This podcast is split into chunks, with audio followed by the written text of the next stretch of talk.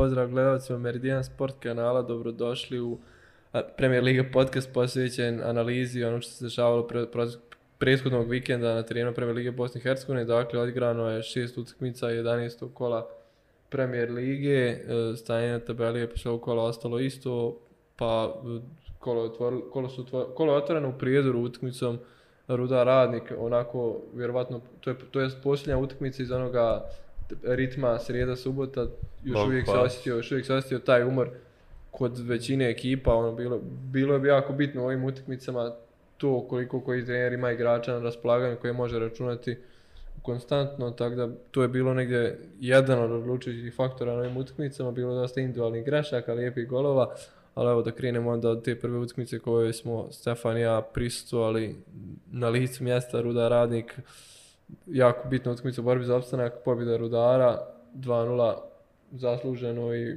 moglo je biti čak i bidljivije mm. ako izuzmemo tih nekih prvih 20 minuta u kojima je radnik stvorio nešto. U pa da, pa radnik je prvi 20 minuta igrao onako kako inače igra u situacijama kad govorimo da igra, da nešto dobro radi na terenu i onda uradi jedinu stvar koju ne smiješ raditi protiv Rudara, a to je otvoriti se, odnosno prašno otvoriti prostore samo te iza štop, između štoperske i vezne linije, to će Rudar uvijek iskoristiti, Rudar iskoristavao protiv jačih ekipa od radnika, iskoristio protiv radnika i to onda djeluje poprilično lako iz perspektive Rudara, kad mu neko otvori taj prostor, onda svi ti igrači Rudara postanu previše opasni, izgledaju kao da su sam vrh Premier Lige, što je diskutabilno, ali kad im otvaraš te prostore, to odlično rade, pa ispadne tako da su Pa ja mislim da radnik je se za utakmicu da se nije toliko otvorio da su da su se pripremili kao manje više sve utakmice što igraju da Premier League da su propustili Rudaru i stvarno da su čuvali taj prostor baš pogotovo tu dubinu od e, samo a, a moje i Santosa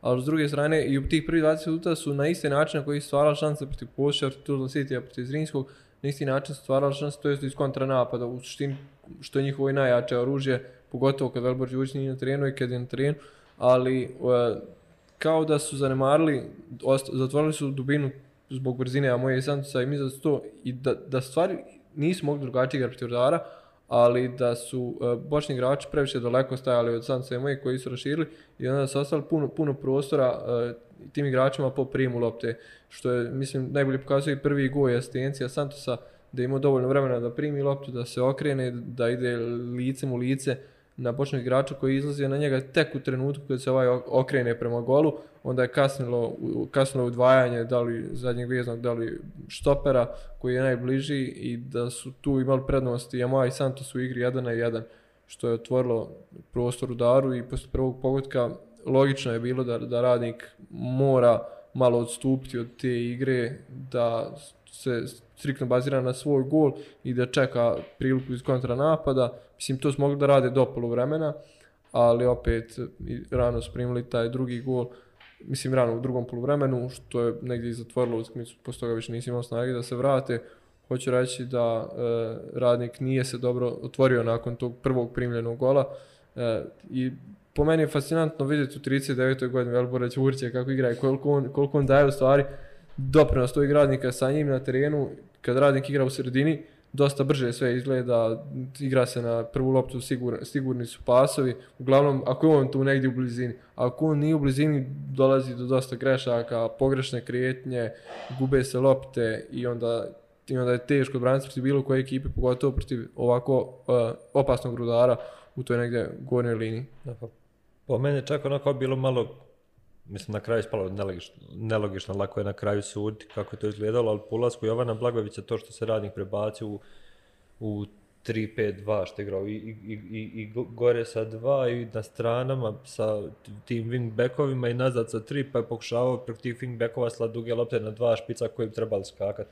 A mislim da upravo koliko god Blagović bio nespreman, on sa njim sigurno imaju kvalitet više u, u sredini na koji do sad nisu navikli, da bi upravo tu u kombinaciji koliko je Đurić već mogao igrati u tom drugom dijelu, da bi njih dvojica u sredini mogli tu puno više da urade. Ovako su samo služili kao neke Martinele ili kao neki igrač koji će iznijeti lopta, ali opet na stranu kad je osvoje negdje, tako da to mi onako bilo malo, mislim da puno više dobili, pa čak i u toj, i u toj formaciji, ali da nisu tražili te, te lopte na Gajića koji je ušao s klupe, koji jeste visok, ali nije osvojio ništa od skokova, tako da nismo... Rudar je, Rudar je na vrijeme preuzeo sredinu terena i to je negdje dalo prostor da u stvari imaju taj neki luksuz e, da i izgubljene lopte u igri 1 na 1 posljednje faze napada. Tako da e, lako su sticali prednost, pomisli zasluženo pijedu, mada vjerovatno bila drugačija utakmica sve da je, da je Bayern Marko izao gol na 0-0. Dobra prilika si imao. Rudaru je super, to mislim, mi smo često potencirali kako je Ređić taj agilni vezni igrač koji se lako slobađa pritiska na ovu utakmicu baš pokazali da su i Jakupović i Burazor pogotovo ti igrači koji, koji to mogu. Sad opet oni mogu trpiti u sredini kad im dođe ekipa drugog tipa kao što je Zrinski koja ima ono pa malo više kokeđa u tome izobra, više različitih stilova igrača poput Bašića, Savića, Kamenara, pa onda još tu jako je zlomislić on je malo drugačiji od njih trojice gdje koji te mogu jednostavno pritiskati i osloniti na fizičku snagu i visinu, ali kad god im dođe takav vezni red koji je ono karakteristično sličan njima, oni imaju tu možda malo više kvaliteta, pa će generalno u budućnosti, ja mislim, lakše preuzimati kontrolu na toj sredini. Utakmica u Prijedoru, e, najmanja posjećenost u ovom kolu Prve Lige Bosne i Hercegovine, mislim, nije to samo 500 gledaca, opet dobro i to brojka na derbi začelja opet, ali evo, e, ako gledamo koliko u stvari privlačna je utakmica tih ekipa, naročito iz istog, iz istog entiteta, gdje se donji dio tabele, gdje je borba za opstanak, ali opet, ako pogledamo neke lige u regionu, gdje na takvim utakmicama ima čak i manje od tih 500 Pa, gledalaca. da, ja, ja mislim da su ono čisto vezano u- uz publiku, mi ne bi trebalo ono previše to suđivački gledat, jer ono, imamo primjer u, u, u Hrvatskoj gdje je Lokomotiva izašla u Evropu prošle sezone, njihov prosjek je tipa, mislim, ako im oduzmeš gostujuće navijačke grupe koje dolaze na stadion, oni imaju 27 gledalaca na stadion, mislim, to su ono samo Pa mislim, slične situacije u Srbiji, upravo to ono govorimo da je naj, naj, najmanja posjećenost na utakmici ovog 11. kola bilo u Prijedoru gdje je bilo 500 gledaca i gdje, opet, gdje se opet mogla napraviti neka futbolska atmosfera i taj pa, naboj. Mi smo bili na toj utakmici, meni ono, nije mi sad ono bila neka zanemariva atmosfera, nisam se osjećao kao da nisam na futbalskoj utakmici na kraju krajeva i sve to dobro organizovano od strane rudara, mislim protočno je, nemaju taj problem bilo kakvih organizacijskih, dobro ima tamo nekih šerifa, ali to nema veze s klubom koji se šetaju po stadionu, ovaj, mršte se nešto, ali dobro, to je sve okej. Da, i dobra rola jednog navijača kad je lopta ošla Da, na tribine, da, to, to moram pohvaliti. Može. Malo titranje, malo Da. za vrat. Pa, mislim i prekrasan go, gola moje i, i, i prekrasna asistencija, sam se može najbolje u dosadašnjem dijelu sezone ovo kroz noge da, da daš pas od 25 metara koji Mandić završi, ali na kraju navijač pokupio svu slavu, lopta je odšla na tribinu gdje se nalaze alkohol boys navijači Rudara, jedan od njih se izdvojio, počeo titrat loptu, bacao je na vrat, ono čudo je bilo. Mislim, ono- dvije minute se gledala Da, tribina, pa, ne Pa futbal. klasična futbalska priča, e tu, tu sad navijam, volio sam nešto drugo više od futbala, pa eto mi tu sad.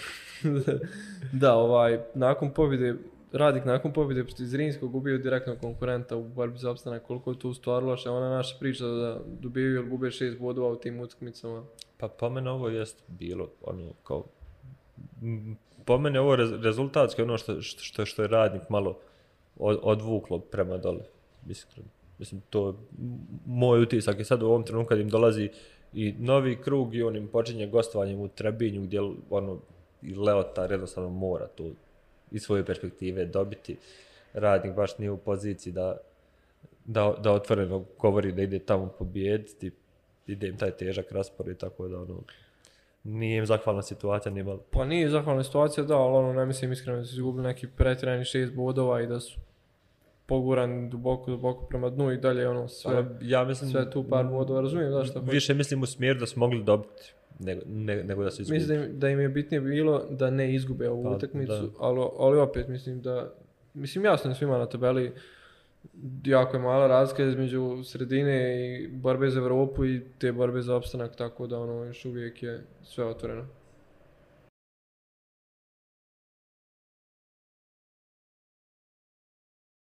Druga utakmica, mislim, koju smo tek naknadno stigli nešto malo pogledati jer smo bili prisutni na utakmici Rudar, Rudar radnik, pa poslije toga i Borac Sarajevo, pa smo praktično u našem putu od, Put, da. od Prijedora do Banja Luke prošla, Tuzla City je pobjedila Velež, ono dok smo pratili rezultate, od tamo bilo šokantno, već u 8 minuti je bilo 2-0, Velež na kraju uspio smanjiti, to do poluvremena, poslije čak i bio pa onako stvarao dosta šansi u drugom poluvremenu. Znaš šta je meni zanimljivo? Što se konkretno te utakmice tiče? Mi smo sad, posle svih onih dešavanja koji su se i u Mostaru i sve oko Veleža u ovom trenutku nekom, pa je onda bila priča koliko, mislim je bila priča, nego tema koliko to utiče na igrače.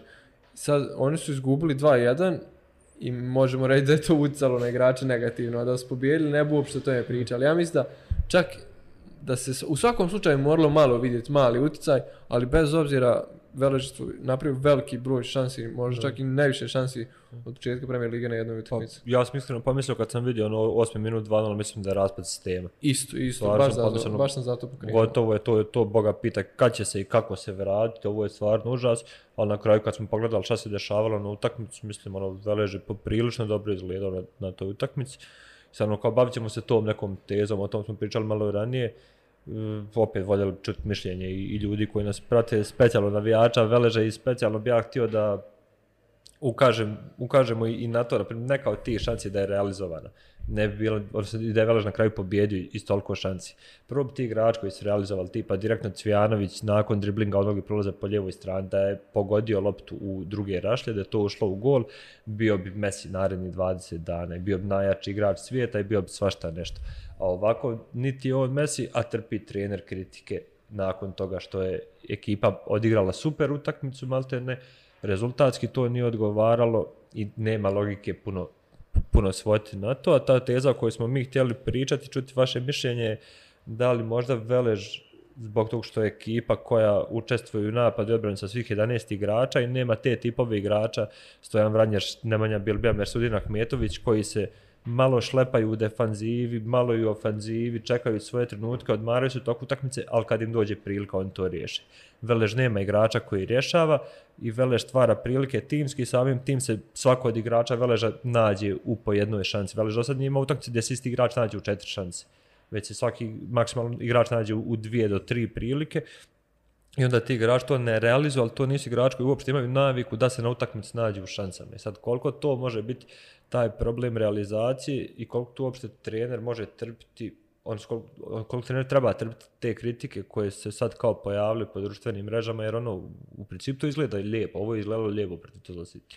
Pa jeste, ali tu su onda, mislim, javlja se nekoliko problema kad svi igrači učestvuju i u odbranju napadu, onda se logično i svi više umaraju, ali i pored toga Velež je do posljednje minute djelovao kao da ima snage za igru i stvarao su te šanse, to, to je upravo ono što si ti rekao, da im nedostaje taj gol igrač. Onda se i postavlja pitanje uh, da li je Veležu u prelaznom roku bio cilj da dovede baš klasičnog napadača koji će da daje golove ili, ili je i dalje bio cilj da svih 11 učestvuje u svemu, to jest svi na terenu, kogod se našao da učestvuje u, u, u odbranju napadu i da daju golove i, i baš ti spomenuo taj igrač kad uđe u šansu, s obzirom da se ponavljaju različiti igrači koji ulaze u šansu, on kad uđe u šansu, on nije navikao da, da daje golove, on to ne radi striktno samo to na treningu i prosto nije nešto što, što, ma, što mu je mahinalno, što mu je I mora ispuniti šest zahtjeva prije da bi se našao u toj šanci u principu. Da, e, upravo to, ono, a drugačije kad mu je posljedan zahtjev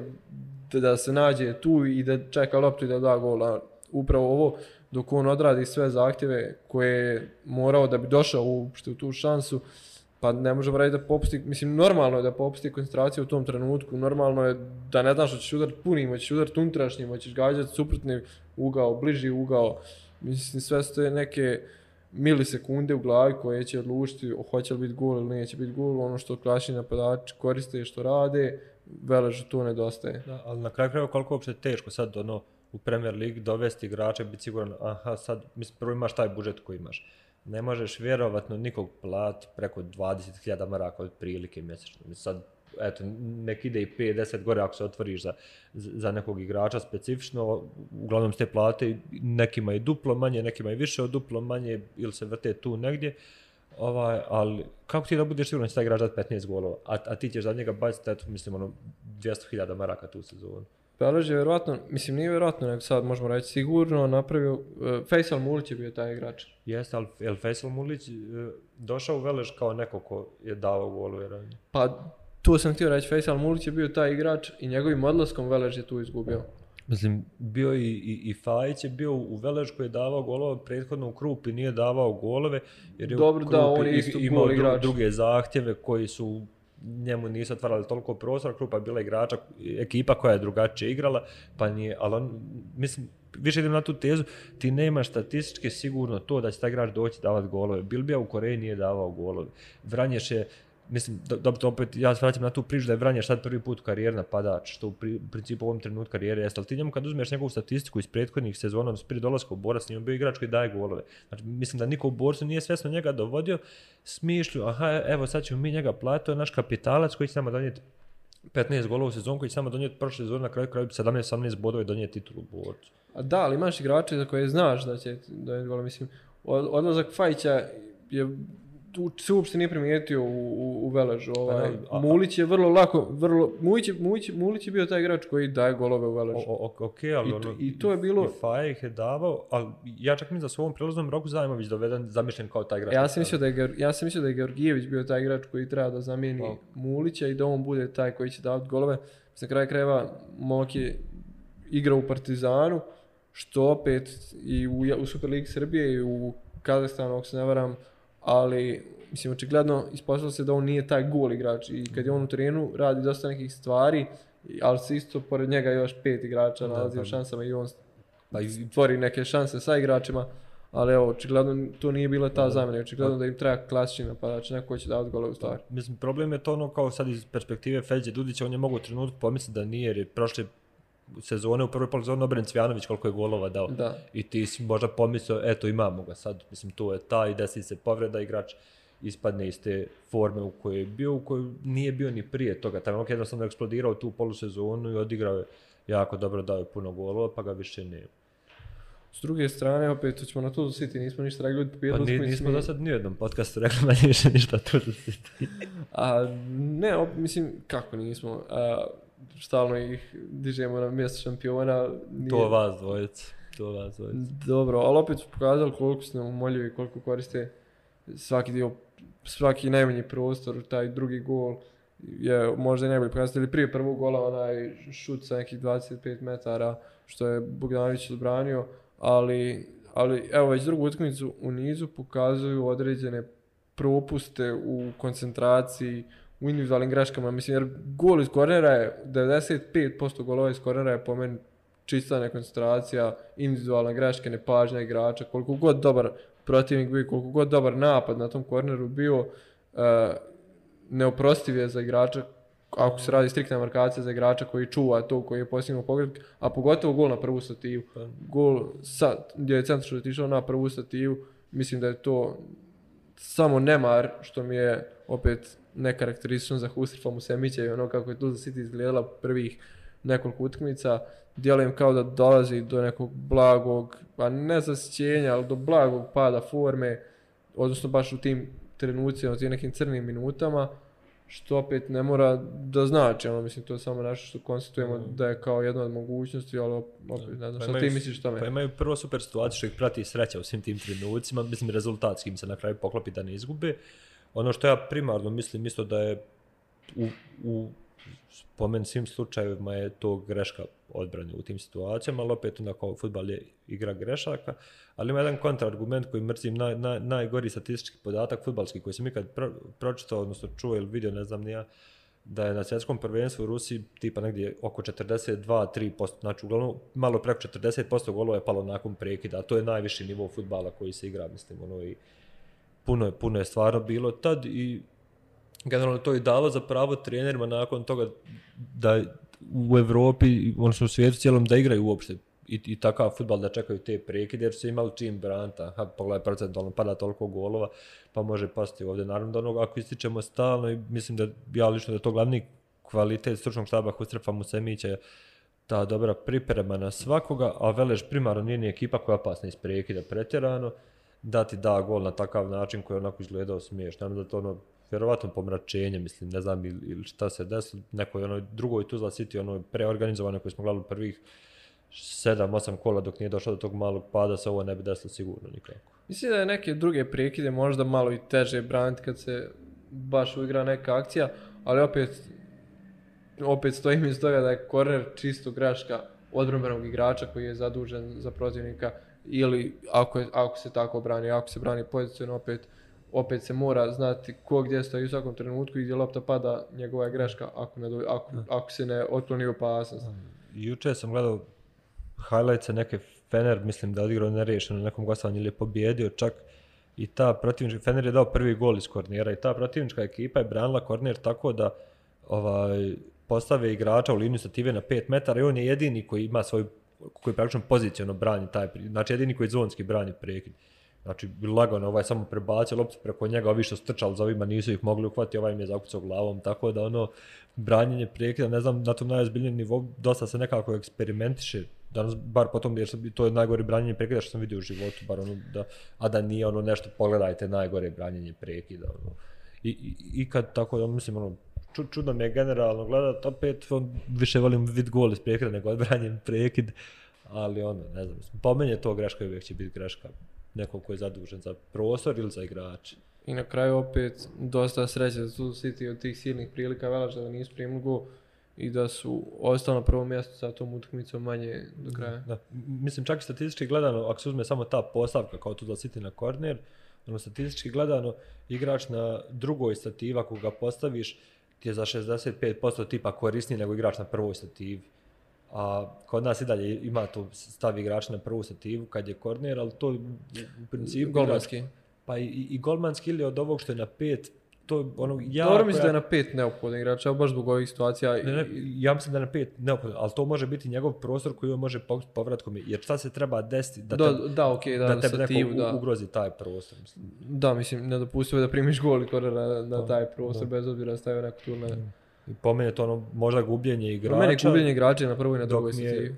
Pa druga meni ima više smisla da će ako se ako cent, kad centar šut kreni da se neko od, igra, od igrača ima zaduženje da se vrati u taj prostor ako centar šut ne ide na njegovu zonu. Ne, me, mislim, opet, e, da, ali to je opet taj neki poziciono branjenje sa tri igrača na liniji peterica, da. je jedan u sredini i jedan skroz na drugoj stativi, ako lopta preleti, mislim, uvijek to onda se lakše stigne. Pa jeste u principu. Dobro, smo završili tu za. Može, ajde, Jesmo. da, da, se, Ajde, da se gotovo okrenemo to na za sljedeću City. utakmicu. Derbi kola na gradskom stadionu u Banja Luci, Burac Sarajevo 1-0. a, Zanimljiva utakmica. Vrlo lako se moglo ponoviti prošlogodišnji, to jest iz prošle sezone su usred Borca i Sarajeva kad je Borac prokuskao prednost igrača više. Ovaj put nije imao igrača više.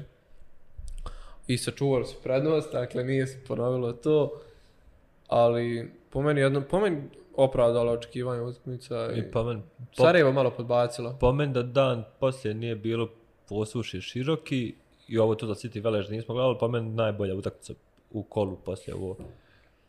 Poslije posuši široki što mi je bilo najbolje dan poslije, pa ne znam, ne bih ja rekao baš da pa, po meni Sarajevo nije podbacilo, po meni Sarajevo na trenutke bilo izgubljeno, a onda kad je bilo konkretno prema naprijed, onda se dešavale neke čudne stvari na terenu koje su ponekad usporili. Ne bih rekao da je na, na neki način na koji se priča da je i, i ranije suđenje bilo na strani jednog kluba, ja mislim da suđenje samo bilo jako glupo na ovoj utakmici. Mislim da je, na- što se tiče kartoniranja igrača, što se tiče sviranja nekih bespotrebnih faula, da samo produbla ta neka priča oko toga, ali da nisu bile nikakve situacije koje su mogle uticati na igru. Na kraju mislim što se tiče Sarajeva, po meni je Sablić to najbolje opisao i stvarno mi je presrećan sam zbog toga što u ligi imamo trenere kao što su Sablić, kao što smo vidjeli sad da je Stipe Balajić koji će nam toliko približiti svaku od njihovih ideja, da ne mora se tragati, ne mora se gledati snimak 10.000 puta, da nam postane jasno šta su ti ljudi htjeli uraditi na toj utakmici, ljudi koji dođu na preskonferenciju i bave se striktno onim šta je šta su tražili, šta nije išlo, kako su to htjeli promijeniti. Mislim, ko nije gledao, Sablić je opisao to da upravo, pošto Sarajevo, mnogi navijači su vjerojatno zamjeraju što je igralo bez klasičnog napadača. Mi smo komentarisali, nije bilo ni opcije da igraš ako ne igra Ahmetović. Da, je pa ne, mislim, umoran. Bagarić ima kartone, Ahmetović, Ahmetović nije igrao Recimo, umoran je. povrijeđen. Mislim, još da, se Cvinić dešava povrijeđen i tu, tu suštini nema, nema više Da, napadač koji će igrati. Da. I onda nisu imali tu dubinu, onda im je borac lako gradio i napad i lako je borac njih pritiskao, oni su htjeli pritisnuti borac. Poslije je nekako uspio da, da razbije taj, taj pritisak preuzimanjem više posjeda i više rizika. Na kraju smo imali Pidru na trenutke, najbolji Pidru ove sezone u nekim trenucima, pa nervoza malog bodula na Pidru, to je onako tvoj omiljeni dio, dio utakmice. Kakav, pogled, kakav pogled je. Ali ponekad ispadne malo pa onako ražalosti se čovjek kad, kad, kad, kad vidi, ali ne ozbiljno sad, genijalnost bodula da ne bude ispraćena nečim. Ja, ja, a to se nažalosti. Pa da, ne, nekad, ne, nekad ispadne malo onako kao pokvari utisak tih stvari, jer Bodul je stvarno igrač koji ono, pa tu, to u odnosu na ovo Sarajevo, ono što je Maradona bio ono Argentini, mislim, igrač koji te vuče. Ne, ja moram da pohvalim, izvin, što sam te prekao, ja moram da pohvalim uh, Bodul kad, kad protivnik izbaci loptu u auto. Bodul način na koji vraća loptu protivniku. Da, ono, kad, kad, da. kad, kad vidi loptu na terenu, Bodul način na koji vraća loptu ovom dok tači lopti. To je čista magija. Čovjek radi sa klasom, to je Bodul, umjetnik. hodajući on je, film, on je, umje, on je o- o- umjetnik. Bodul, ne, ne znam kako to, mislim, ono, gledajući njegovu karijeru, nije on igrao u nekim, ono, o, preozbiljnim ligama i klubama, koliko njegov praktično ne može sad pričati o potencijal zato što je to prošlo svršeno vrijeme za njega, ali koliko djeluje da njegov futbalski talent, koliko je on ono suvo zlato, neko praktično, ono, mislim čovjek je za snimat film realno, bar za ovo naše područje, neko ili za neku publiku koja postojala sigurno. Čovjek je ono kad dođeš na neki seoski turnir, da, sam, da mu samo daš loptu noge i da stane, Pa to. da se turnir igra na Da. tom nekom terenu, vamo, a njemu je lopta u nogama iza gola i, i da stane turnir, da stane sve i da se gleda šta čovjek radi iza Daj gola. malo bodu, idu Kornije Radović se. Ali je ovo prva utakmica gdje, gdje je za konkretne stvari bio konkretno zatvoren. Da, jest, jest, stvarno je. Borac sad po prvi put radi tu vrstu scoutinga. Sad Nemanja Miljanovićem na klub, do sad je, ono, bili, znali smo da Borac radi neke analize, ali to se nije toliko dobro, nije se protiv toliko dobro skraćivao, odnosno sjekao u onom što gdje je najjači ko što se sječe. Sad je to ono što u principu i neprimjetno na, na prvu, ali poslije ima i tekako smisla, jer da se te neke situacije bodolove razvijale, bilo bi opasno poprilično. A Borac radi po meni odličnu analizu i sopstvenu, to je svoje igre i vidi se da napreduju iz kola u kolo, odnosno da se neke greške ne ponavljaju toliko i da se neke navike igrača već izlaze polako koji su bili produkt ovih nekih, eh, ove neke nediscipline ili neorganizovanosti u ovim svim smjenama sa početka sezone. I sve, sve manje nekako borčavo igri onih, mi smo stalno komentarisali kad gledali, mislim, pričamo o borda što mi živimo u Banja Luci, idemo gledati domaće utakmice borca i rudara, prethodno smo išli prošle sezone gledati krupe, pa su to ekipe s kojima imamo najviše živog dodira, pa najviše vidimo stvari koje inače preko kamere ne možemo vidjeti, nam kamera bira kadar, ne možemo mi gledati šta hoćemo da gledamo, ali borac sad ima sve manje onih kretnji Zakarića iz Ilkića koje su bile ono, daj da izađem 40 metara u neki slobodni prostor u kojem ne donosim ništa, skraćujem prostor i sebi sa igrač. Sad borac jako dobro održi i očuva taj, tu širinu terena i dubinu i praktično jako dobro zaposjedne teren i mislim, pregrao sam na kraj kreva neki igrač koji se to nije očekivao, Donald Mols, na primjer, koji izvuče toliko lopti u toj sredini, sredini malo ih sporije distribuira poslije na stranu, ali to dođe, opet kad pogledaš šta je uradio, da oduzme loptu, da je prenese, može mu se oprostiti to što to kasni par sekundi. Pa da, mislim da je, e, da će i u stvari Borac biti još bolji kad se neki kad se postave toliko striktni šta je čija uloga na terenu, jer upravo to što kažeš, uradi, on je uradio toliko dosta na terenu i dosta lopti uzeo iz posljednje linije, dosta oduzeo protivniku lopti, dosta duela dobio. Problem mu je malo kad je lopta u njegovim nogama, previše zadržava, ovjerava, ali opet to je nešto što se mora istrpiti za igrač koji će uzeti toliko lopti. I kad se onog trenutka postavi jasno da je to njegova glavna uloga, da će to raditi najviše, mi da će i Borčeva igra i ići brže. A i onako je već poprilično ubrzana, jer e, opet gledamo borac koji minimalno, minimalno napade kreće iz posljednje linije dugim loptama na napadača. Da, pa zašto sad imaš Vojnovića tu? Ali, na primjer, ako, jesi ti prihvatio moju tezu da stavim ranješ napadača? Pa onako, jo, Ajde, ja sam, i, šta ni- ti još ja sam i nisam, još uvijek se Da, držim. možemo E, onda pričati da je Aco Vojnović šaper. Pa možemo, mislim, čak e, znam da on voli više igrač stopera nego, za- nego zadnjeg veznog, ali mislim najveća je prednost to što on može igrati obe pozicije. Jeste, da, ali Aco Vojnović, zadnji vezni Aco Vojnović, e, premier ligaška karijera, 10 godina i onda izlazak u inostranstvo, a Aco Vojnović Čaper je progresivni igrač koji može igrati na nekom višem nivou.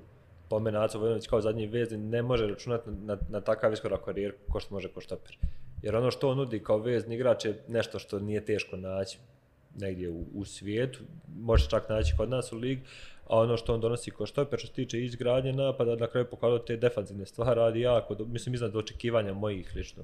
Ovdje radi defanzivne zadatke, po meni tu, tu može, na osnovu tog može praviti iskorak u karijeru. Ja ne znam koliko se tu stvari i može vidjeti preko na na prenosu i Pa pa čak se i uđi ništa u boksu može vidjeti. stvari koliko je on uh, za štopersku poziciju, mislim koliko je brz. Uh, mislim da možda postoje dva napadača u ligi koje on ne bi stigao jedan na jedan situaciji koji mu pobjegli. Mislim da, se- da, se tu, da je tu borac dosta dobio na toj brzini u Štopskoj poziciji sa, sa njim i Markom, s obzirom da, da, da je Marko opet igrač sa tolikim iskustvom iza sebe i koji se, kojem se ne može naći zamjerka u postavljanju i zajedno sa njim sa Acom na štoperu da, da dobijaju taj neki dodatnu snagu u odbrani da ne mogu primiti gol iz kontranapada. Ovaj borac koji zahtjeva pozicijne napade i koji stoji visoko u posljednjoj liniji. Pa Vojnović čak na kraju krajeva ono profilno igrač koji može igrati štopera kad igraš trojicom nazad, ali na ozbiljnom nivou, ne govorimo o Premier Liga nivou.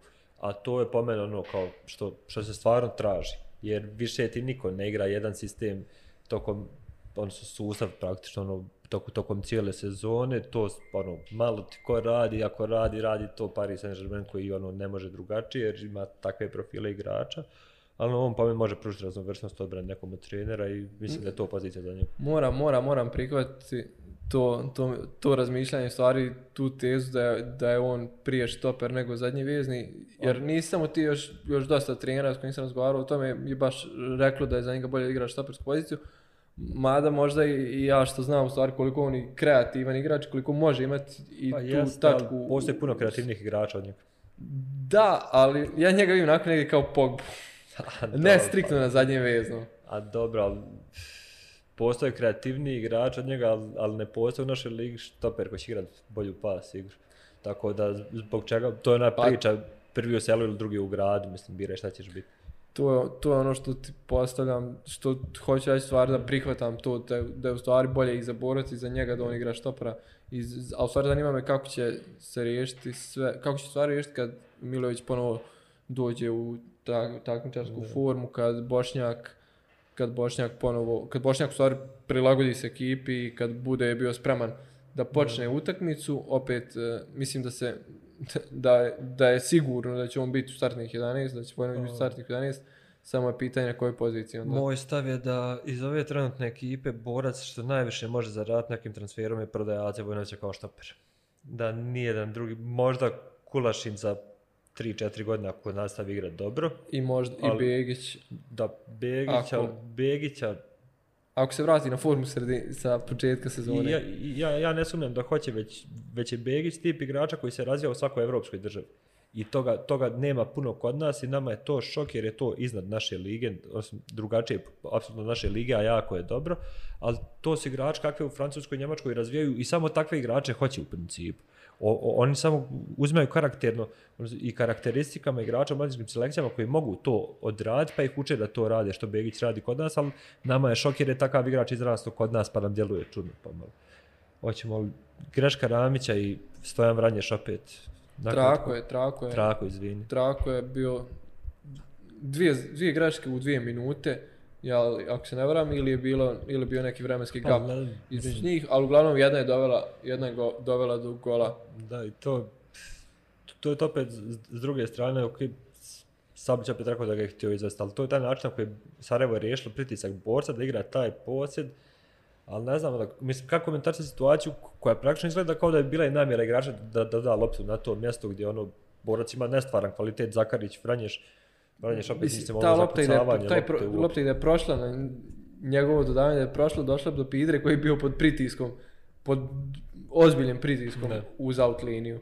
I onda bi, i onda i tu pitanje, mislim, koji god igrač tu bio, vrlo lako je moguće tu izgubiti, osim ako je, ne znam, ne nabiješ s prve ili, ili ne ispucaš u auto. Ali htio bih opet posebno pohvalimo i Paneoca Moritica, koji je prom- promašio dva promašaj. gola, Momački. promašio, ali, ali napravio opet toliko Da. puno toga Na u nekom- igri, i toliko nekom sam- sačuvanih lopti, leđima okrenuti, a uopšte ne djeluje kao igrač kojeme, kojeme je to primarna karakteristika da čuva lopte leđima okrenuti od gola, i, jer smo baš apostrofirali kad je došao tu njegovu brzinu. Um, ali skoro svaku loptu on leđima sačuva na protivničkog Da, igrača. pa on odradi posla, brate. Mislim, treba se i naći u tim šansama u kojima se ovo nađe i, To. i, i, i, i čak način koji se dobrim kretnjama nalazi u šansama, isto tako je način kojim on dobrim kretnjama otvara prostor sa igračima da se on nađe u šansama, što je ono, mislim, nema svaki napadač takve karakteristike. I samo kratko, mislim, ono što su navijači Sarajeva dugo čekali, Ševelj, Lazić nisu dugo igrali, po meni Lazić nije ni igrao, više se prepirao po terenu i svađa ulazi u neke sukobe, mislim, koji je bilo bespotrebno s obje strane na kraju. A, Ševelj je po meni onako, treba mu utakmica malo Premier Lige. Da, ali mislim da je po- malo pocijenio čak. ali- Da, moguće, ali opet pokazao stvari i za to malo vremena Po koliko meni, će... po, po meni to ogromno pojačanje, njega sam čak pratio i ranije, znao sam da će biti ogromno pojačanje za Sarajevo, samo mu treba utakmica da on shvati da ovdje futbal nije toliko spori u odnosu na ono kojeg je on igrao ranije, spori jeste, toliko nije. E, pokrenuo ga odlično, kad je ušao imao je tri, četiri stvari prve odradio odlično i onda je sebi jednostavno počeo davati previše vremena da, da, da odradi nešto s loptom i onda je izgubio dvije, tri lopte, ali po ono dugoročno odlično rješenje, mislim da sve.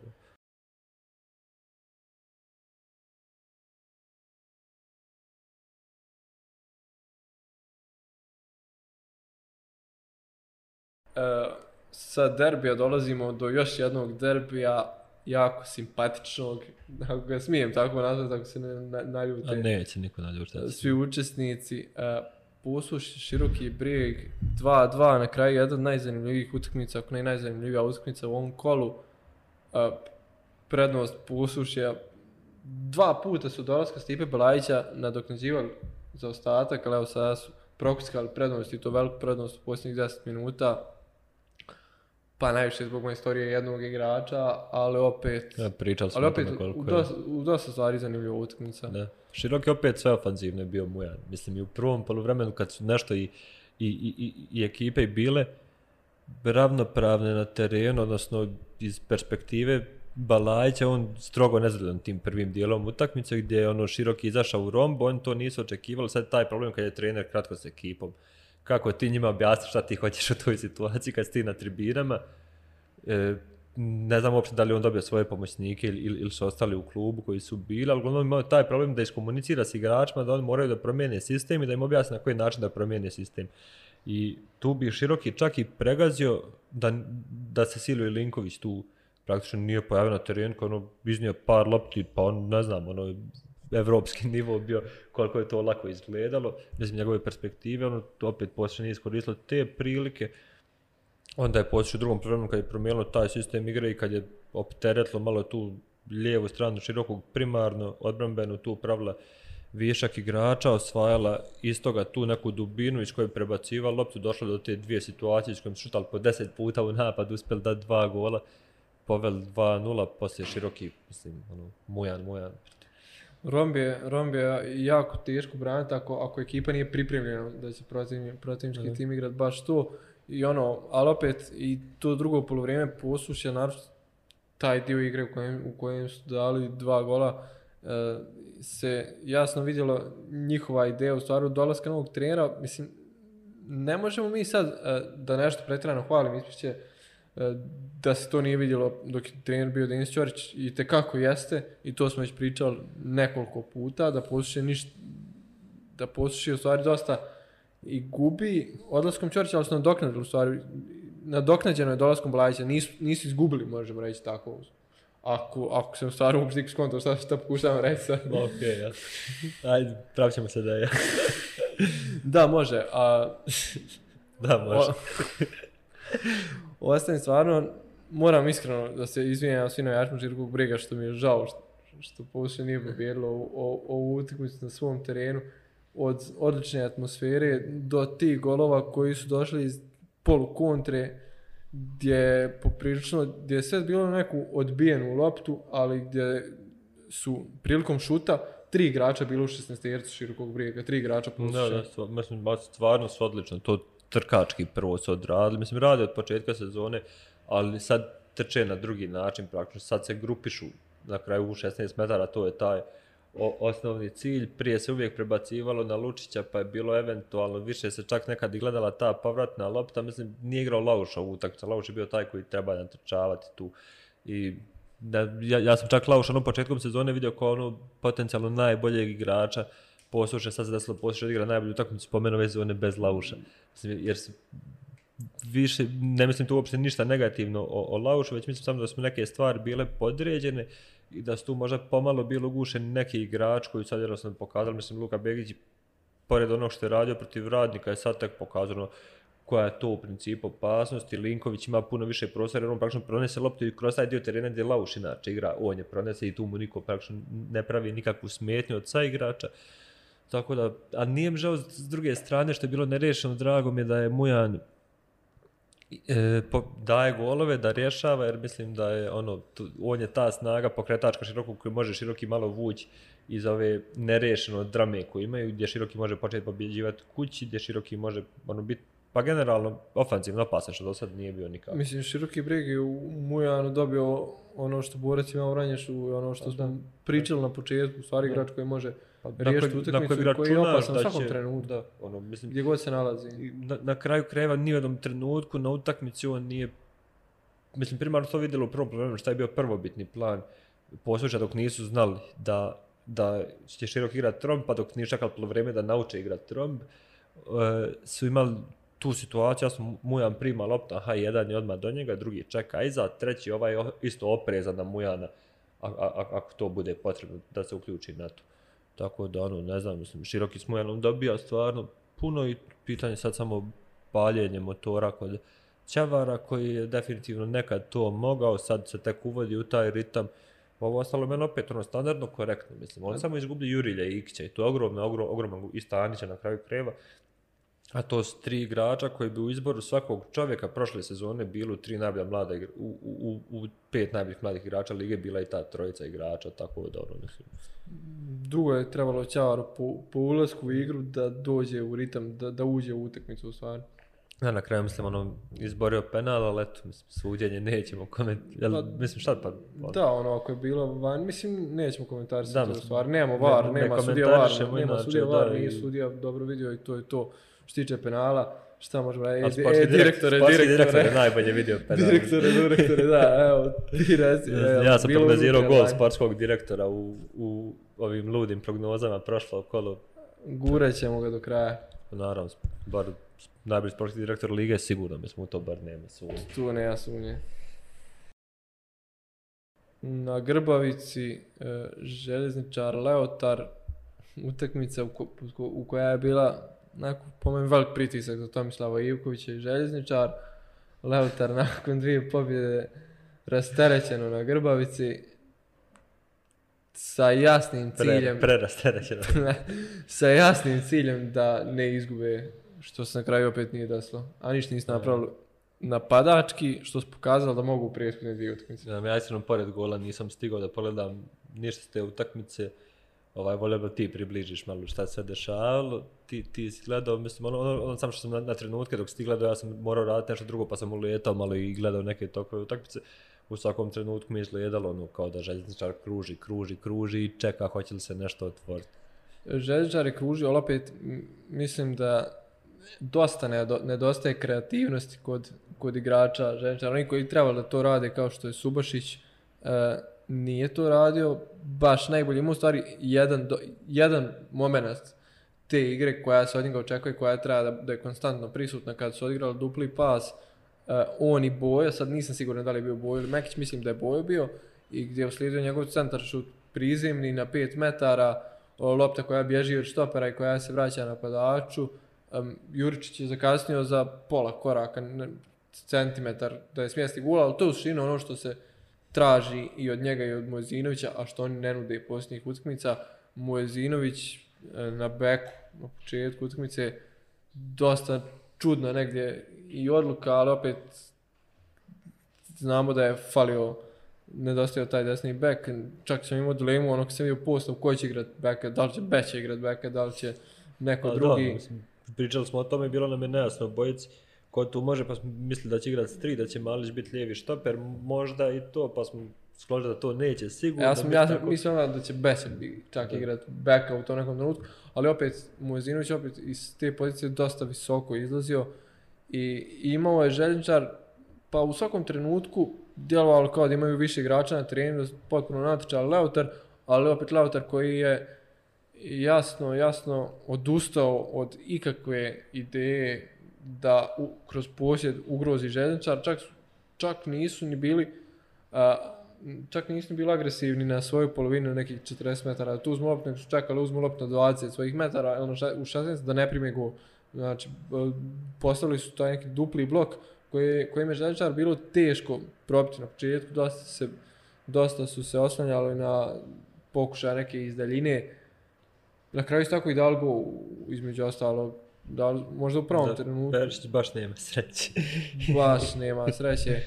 Mislim, ovo je čudno stvarno da se mamku dešava u ovo koji već drugi put da je Drugi ovako, put, protiv sad, Zrinskog mu onako ispala lopta, mislim, Da, ovaj put od stativu, od stativu njemu leđa, mislim, ja mislim da se da se to već jednom ranije. I, i ja isto se- mislim, ja mislim da protiv Zrinskog, da mislim čak na utakmicu. Stvarno nije. Nije protiv Zrinskog mu ona lopta ispala, Da, pa je ispala. malo prešla liniju, ali Ova, ono što bih ja pohvalio na ovoj utakmici, pogotovo željezničar, je ova konstanta koju publika drži i odlična atmosfera, velika posjećenost, pa nismo do sad, svi klubov klubovi manje više iz Premier Lige do sad proživljavali nešto slično ovakvoj sezoni, ali niko nikad nije imao tu konstantu publike. Ok, ide im na ruku što je stoti rođendan, ali opet jako, jako respektabilan broj navijača na svakoj utakmici domaćih željezničara. To prati, stvara se odlična atmosfera, tako da opet ligi daje nešto o čemu se može pričati mimo samog terena, jer ne, nekad dođemo u situaciju da na nekim utakmicama ne možemo pričati puno o terenu. Pa, je. Pa mislim da je i ovdje dok su bile prazne tribine koliko godinu i pol, da, da se, da se navijači željezničara i poželjeli tih utakmica i opet iako su oni prije toga imali zavidnu posjetu i odličnu atmosferu skoro svim utakmicama, da je i kroz tih nekih godinu i pol praznog perioda da se on svi poželjeli i futbala i grbavice i atmosfere sa grbavice i zbog toga da je konstantno da su oni konstantno taj neki vjetar u leđa igračima, što na kraju Ivković i rekao da su posljednjih 20 minuta on bili ti koji su pomogli ekipi da pronađe snagu i sačuva prednost. Mislim, moramo reći opet da kažemo, Lautar je takav bio u prvom poluvremenu, Lautar je promijenio sistem igre u drugom dijelu i on pokušali da dođu do izvenčenja. Nisu on branili na 1-0, apsurdno je, ali ali nisu dobro, nisu dobro radili to u drugom poluvremenu. Imali su inicijativu, imali su blagi pritisak prvih 10 minuta drugog dijela, gdje je Ženčar kao da je iznenadio da će, mislim kao da su očekivali Lautar koji će braniti ih 1-0 do 70-80 minuta i onda nešto pokušati, kao da ih malo to bilo iznenadilo, ali su se vrlo, vrlo brzo prilagodili tome i u trenucima kad oduzmu loptu uspjeli su da je čuvaju u, svom posjedu, što opet negdje najdalje od svog gola i vrlo lako, vrlo lako opet dolazili u taj prostor da oni mogu stvarati šanse. Opet kažem, nedostalo mi je kreativnosti, uh, ono što, što su radili, Mekić i Bojo od, oduzeli dosta lopti, dosta lopti podijelili toj završnoj fazi napada, ali nedostajao taj posljednji pas iz kojeg bi se stvorila šansa, ključni. Ja ću se vratiti na stadion, zašto sam htio nešto reći, pa sam mislio da ćeš ti nastav pričati o stadionu, pa da to Izvini. kažem. Šta ti ja?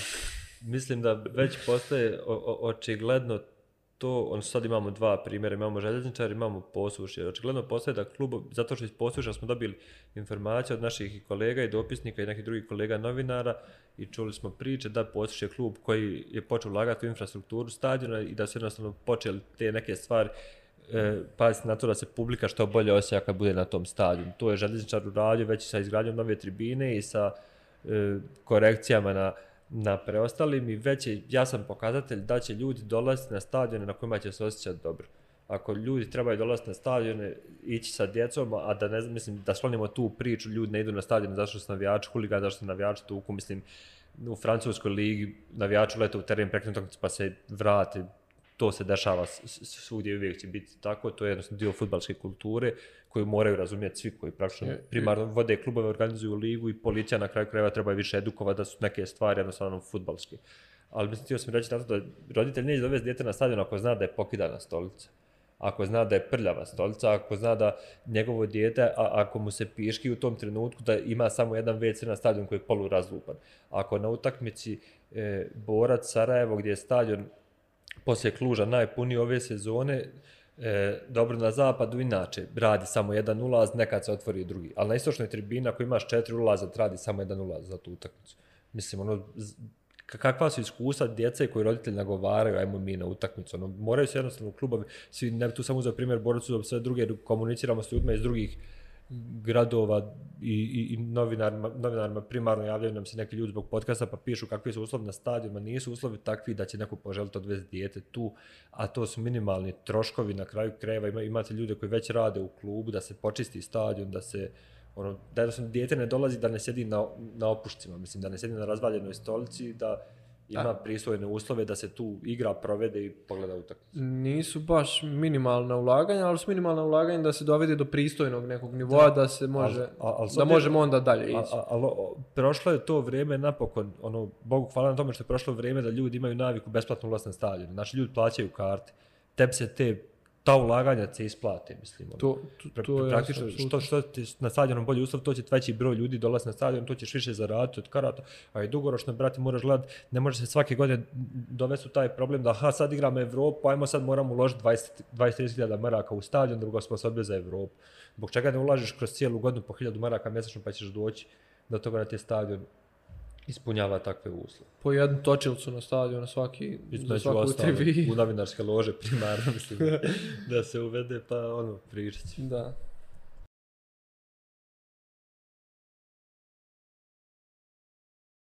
Posljednja utakmica kola kojem je i zatvoreno 11. kolo Zrinski Sloboda uh, pod bijelim brijegom Zrinski je pobjedio 1-0. Dugo su čekali na taj prvi gol. Pa, ne znam, ja opet tu odmah počeo sa kritikama navijača koje su buknule nakon ovog rezultata slobode. Mislim, ja, ja ne znam šta navijači nekih klubova očekuju i kakav je uopšte mentalitet nas kao naroda ovdje kao ono, kao sve treba biti dobro, kao uvijek moraš pobijeti, u, u školu moraš dobijati petice, ako dobiješ četvork, mama ide na roditeljski, ide na instrukcije, kao nešto se dešava, nešto nije u redu. Mislim, Sloboda koja zadnjih godina ima rezultate kakve ima Sloboda, koja generalno, od kad je premier lige ima rezultate kakve ima, izgubio od Zrinskog u Mostaru 1-0, ok to da ne bude dominantna, ali kad je bila dominantna? Ima li neko ko očekuje, ima li neko ko ima rješenje kako da slobod, mal te ne bilo koja ekipa bude dominantna u Mostaru protiv Zrinjskog, a ne o, ova sloboda o kojoj smo već pričali da je dobro funkcioniše s obzirom na to koliko je limitirana. I po meni to ono da se napada trener zbog ovakvih stvari gdje praktično ono prvo taj plan, kad, kad sam prema go 72. četvrtoj minuti, tako nekad, Prati, to je 15 minuta, 20. dijeli od boda u Mostaru.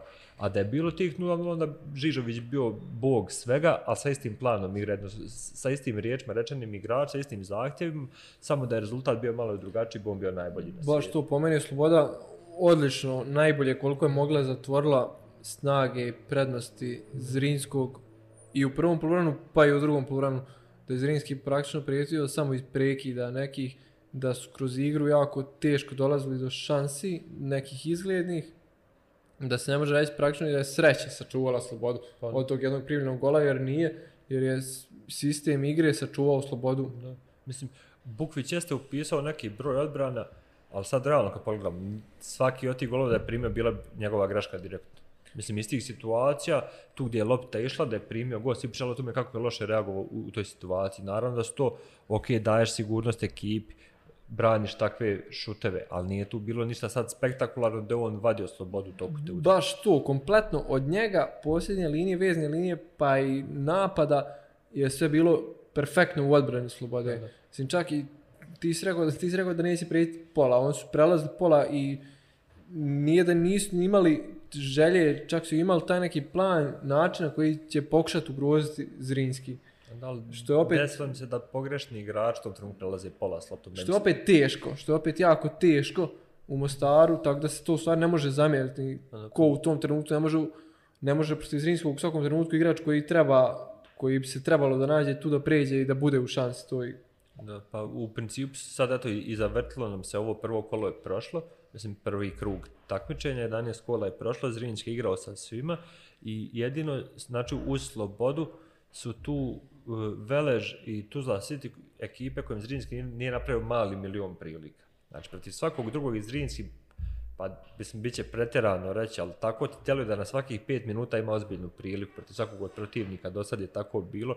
Ovo su tri ekipe koje su Zrinskom to oduzele na terenu i onda Zrinski opet taj individualni kvalitet koji je tu je pomenuo ono ogromna prednost Zrinskog, što Zrinski ima jako dobar sistem igre, sistem igre koji pobjeđuje, ali kad on zakoči, jasno je da imaš sad igrač, mislim, jasno je od uvijek da, da sto igrač koji to mogu, ali eto, dođe ti taj I Centašić odluke je fenomenalan, završca Bilbi je fenomenalan, što ti vredno tri boda na kraju. Mislim što na kraju Jakirović je rekao da je samo bitno da su pisali ta nova tri boda, da nije ni toliko bitno što nije, mislim što nije funkcionisalo sve na način što ih je Sloboda zatvorila, da su i pored toga uspjeli da dođu do pobjede. S druge strane, mislim, za Slobodu i ova utakmica ne treba da bude nikakvo razočarenje što su izgubili, baš to što su rekao, izgubili su od jedne od najboljih ekipa u ligi u, u Mostaru, na njihovom terenu. Mislim, sve što su pokazali dosta tog sezone treba da oduševljava navijača koji su nakon prvog kruga četvrti na tabeli. Da. I na kraju kreva sad ono kao može ispasti da mi branimo neke trenere. Ja ću otvoreno reći da, da je to istina, ali ne u smislu da branimo individualno neke trenere, već branimo e, opredeljenje klubova da se da prilika tim novoj generaciji mladih trenera koja je izašla i koja je, ili koja je došla uključujući tipa i Sablića kojeg bi ja branio, mislim, kao tu kolektivnu, jedan kolektiv tih trenera koji Premier Ligu čine boljom, zanimljivijom, gledljivijom i na kraju kreva interesantnijom. Jer imali smo ono 10 godina lige gdje je sve bilo na individualni kvalitet, gdje apsolutno sve, sve je bilo, aha, kući tri boda u gostima kako bude, kući tri boda u gostima kako bude, a dolazim slabije, ovo moram pobijeti, dolazim ovaj, može i nerešeno puna šaka bradi. Sad smo konačno dobili ekipe koje se taktički nadigravaju na teren, trenere koji znaju da radi, trener koji na kraju krajeva poslije svake utakmice ne govori. Imali smo sreće, nismo imali sreće, bio je težak teren, e, bit će to bolje. Svi igraju futbal. Svi igraju futbal, igravamo se, lopta je okrugla, šta tvrda već ne govore, tvrda utakmica. Znači imamo ljude koji su spremni da dođe, da dođu da nam predstave ono što oni rade na terenu, tako da je to ogromna prednost, te njihove ekipe izgledaju dobro, izgledaju smisleno. Na, na, mene je baš zanimalo, eto to, da gledam kako će se Sloboda braniti protiv Zrinskog. I, I to meni uopšte nije ono da je Sloboda, meni nema segmenta koji je Sloboda loše uradila na ovu utakmicu, meni je Sloboda sve dobro radila na ovu utakmicu. Samo je znala koji je njen limit, znala je šta može, šta ne može, igrači su poštovali takav plan trenera, to sprovodili u djelu i pa meni ovo jako dobra utakmica Slobode. Mislim, to je onaj pokazatelj da, da se utakmica ne gubi samo na grešku u odbrani, da igrač izgubi, da zadnji igrač odbrane izgubi loptu i da se primi gol, da se utakmica ne, ne može, ne gubi samo tako, nego da se gubi ako je protivnik, to, ako protivnik iskoristio jednu šansu koju mora imati tokom 90 minuta, kakvu god, e, i da se, mislim, to što ti kažeš, Sloboda se branila organizovano, I to je, to je možda najveća prednost. To navijači treba biti zadovoljni ovom utakmicom, jer je Sloboda pokazala da i kad dolaze, kad će doći do bodova, da neće doći do bodova na sreću. Nego će doći zato što su zaslužili te bodove.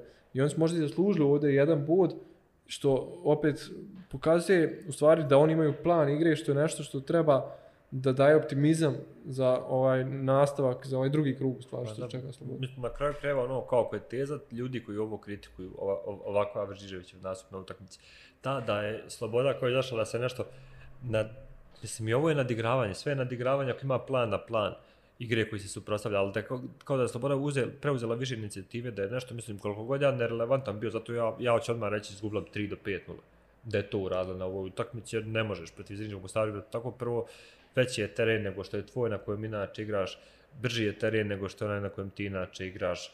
Igrači su njihovi kvalitetniji nego tvoji igrač, njihovi samo čekaju, mole Boga da se ti njima tako otvoriš i, i, i daš im tog prostora. I, mislim, dovoljno je bilo vidjeti koliko Juranović brzo se riješi tog prostora što je bilo na utakmici pa ga moraš faulirati u, u nekoj zoni op, poprilično opasnoj, gdje bi čak mogo ići šuta, ali al Cekirović odlučio da to baš ići izvodi lijevom nogom da ide ubačena lopta. Mislim, previše problema je Sloboda imala u tim situacijama kad je slučajno se uvukla u to da se igra otvori i da se malo to rasplamsa na terenu. I na kraju ono, mislim, što smo već peti put da kažemo danas, Zrinski koji ima najmanju Bilbiju. Mislim, mm. od toga se, pored svakog sistema i plana, pa prak, jako teško odbraniti. Da, mislim, ono, ali praktično to je taj ono nivo iznad koji košta, ali vrijedi, mislim, ono, jer možda čak i, i, i bolji velju formeni nego da ti ono da nagomilavaš neke igrače koji neće da nostali su malo plaćeni, mislim, ono, što, što, što radi neki drugi klubov, ok, opet oni su budžetski limitirani, ali ovdje ako imaš jasno taj broj golova na koji Zrinski može računati od njega, čak meni je bitan broj golova, jer može dati jednu takmicu pet golova, što ne znači ništa manje, više, već broj bodova koji takvi igrači donose, broj bodova koji Vranješ donosi Borcu i koji Bilbija donosi Zrinc, kom je on, ogromnog, ogromnog značaja. Hoćemo prijeći na zatvoriti ove utakmice i prijeći na tim kola. Pa, može. Po, po ovom našem izlaganju o utakmicama već donekle možete zaključiti neke igrače koji će se naći u tim kola. Evo golmana prepustio Stefanu, njegova je uža specijalnost. Golman je Bojan Pavlović, odbrana kola prvo, mislim jedina odbrana u ovom kolu vrijedna tri boda, na kraju krajeva iako je imao dozu sreće da mu se lopta nakon što udari rukom odbio od koljena pa skrine s noge igrača Sarajeva. Bio, bio je na zemlji, sa da, zemlje je odbrana. Da, mislim, ono je, nismo navikli gledati. Mislim, puno pričamo to nismo navikli gledati, ali ima tih igrača koji rade stvari koje nismo godinama navikli gledati. Za malo Pidru da daju.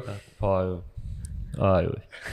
e, dalje, e, jedan štoper, to ste opet, to je ono što ste mogli zaključiti, Aleksandar Vojnović, malo nešto da nismo rekli u utakmici. Sve smo rekli, možemo i dalje produžiti, ali onda, mislim, ovo je podcast gdje pričamo o klubovima, o ekipama, previše mu pažnje, jednostavno posvijetiti, kad bi nastavili pričati, ovo je odlično, mislim, vrhunski, stvarno je, ono, jako, jako dobro se, mislim, nametno je sebi poziciju od koje primarno bilo pitanje da li će se snaći, je pokazao da je, ono, pomen puno bolje rješenje da igra to. Drugi štoper Rijad Sadiku, prvo polovrijeme protiv radnika igra na štoperskoj poziciji, drugo polovrijeme zadnjeg veznog, je odlično, odlično je se snašao i na jednoj i na drugoj poziciji, čak mislim da je Rudar dosta dobio njegovim prelaskom na zadnjeg veznog, jer je... Baš su mirili radnik tada u to. U to da, baš su ovaj, dobili tu neku noću sredini terena i te duele koji su možda onako počeli da vise na 50-50. Da, pa To, da je to ono što smo pričali, taj vezni red, Jakupović, Ređić, Burazor je jedna dimenzija, sa on su jednodimenzionalni. Kad im se ubaci tu sa diku,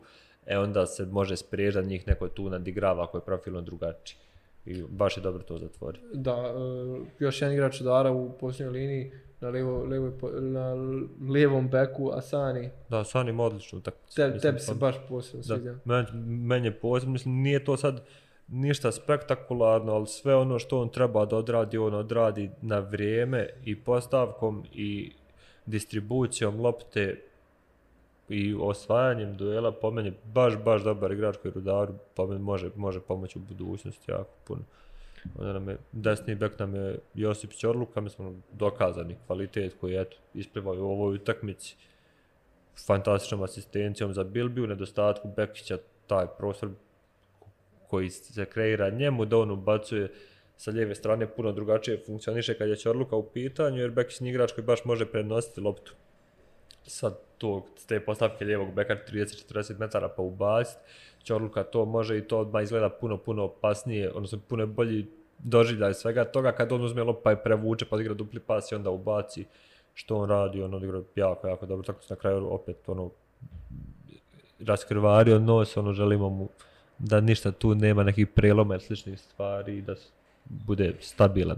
U formaciji 4-2-3-1, uh, e, jedan zadnji vezni Nedim Mekić, u, pa ako ćemo njemu prepisati taj gol protiv Rudara, i to i pored toga dosta pretečanih kilometara, dosta osvojenih lopti, dosta tačnih dodavanja, nemamo još uh, statistiku koliki, koliki procenat tačnih dodavanja, možda jedina mala zamjerka žuti karton koji je čak i ranije mogao dobiti, tako da je bio negdje tu na ivici, ali ostatak onako prilično jedna dobra utakmica za njega i što je pokazao da je Željničar njegovim dovođenjem vraćanjem dobio dodatni kvalitet. Ja, drugi zadnji vez nam je Silve i, i Linković, pa igrač koji je praktično sačuvao posuše u tom nesnalaženju od romba širokog brijega. On je sačuvao da to ne ode baš u propast posušan na sredini terena, dobro je i, i, i sa loptom i bez lopte je razbijao to što, što gdje je široki imao prednost, tako ono, svaka čast, do sad nije bio nešto previše primjetan, bar meni, mislim da to tako se posušan nije bilo ni u prijenosu, pa nismo mogli gledati, ali ovo je stvarno odlično. E, ispred njih Stojan Vranješ, igrač koji će riješiti utakmicu, igrač koji je riješio utakmicu derbi kola, ta pa dalje priča to pa i mirovne misije isto imao smirivanje strasti na terenu, on i Ahmetović, ta relacija. Mislim, sreća, mogla je par puta eskalirati u, u neki možda i veći sukob igrača na terenu. To je isto ono, pohvalno na kraju jer mislim šta pričati o igračkim kvalitetno, više iz kola u kolo ćemo samo nabrajati, nabrajati, vrti se u krug, s toliko godina konstantan kvalitet, ono svaka čast i samo želja da se to nastavi. onda lijevo krilo ćemo početi. Može, znam da ti, da si, da, da ti miljenik, jedan od miljenika. Pa, moj jedan od novih mojih premier ligaških miljenika, Tonči Mujan, pa ništa, no, svaki put kad primi loptu opasnosti, svaki put drti protivnička ekipa kad on primi loptu, čovjek koji jasno zna kako se rješavaju situacije, drugi gol, onaj, sve opisuje da to izgleda toliko lako, ali mislim, kad smo, jel gledamo mi to inače, pa je to toliko lako, mislim, dobijaju igrač lopte u tim zonama, ali ne reaguju na taj isti način. Da. Drugi krilni igrač Petar Mišić, Tuzla City, još jedna odlična partija iza njega, mislim, pokazuje svojim driblinzima brz korak, e, lako oslobađanje protivnika, koliko je u stvari opasan i koliko je dimenzija više u stvarno kvalitetnom napadu Tuzla City-a i sigurno da kvalitetom ne zaostaje ni za jednim od tih igrača koji se nalaze u koje Musemić ima na raspolaganju što tiče ofenzivnog dijela. I onda nam na poziciji devetke Bilbija. Opet, mislim, isto što smo rekli za Stojana, možemo reći za Nemanju. Pa, da, da, mislim, ono, jednostavno, ako odigra utakmica načina koji često odigra, tu uopće nema konkurencije, mislim, ono, praktično u ligi, da, i to je po meni to. Trener kola Nemanja Miljanović, borac se diže iz kola u kolo, borac igra sve bolje, na kraju krajeva pobjeda u derbiju. Nije se bilo lako pripremiti za Sarajevo koje ne znaš u kojem će sistemu igrati, ko će igrati napadača, da li će igrati Ahmetović ili neće. Čak mislim da je Miljanović očekivao u jednom trenutku Ahmetovića od prve minute, ali bez obzira borac je odlično reagovao na sve promjene sistema Sarajevo u toku utakmice. Mm -hmm. To je bilo to što tiče tima kola.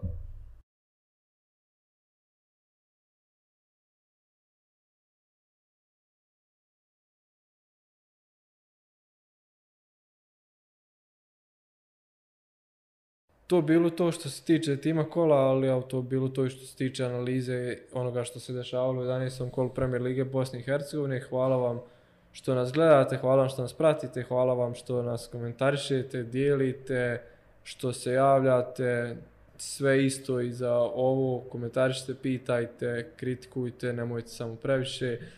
Mama čita. Mama čita, tu smo što god treba, tako da onda da ostavimo, ubrzo se vidimo opet za naju 12. kola. Hvala. Vidimo se.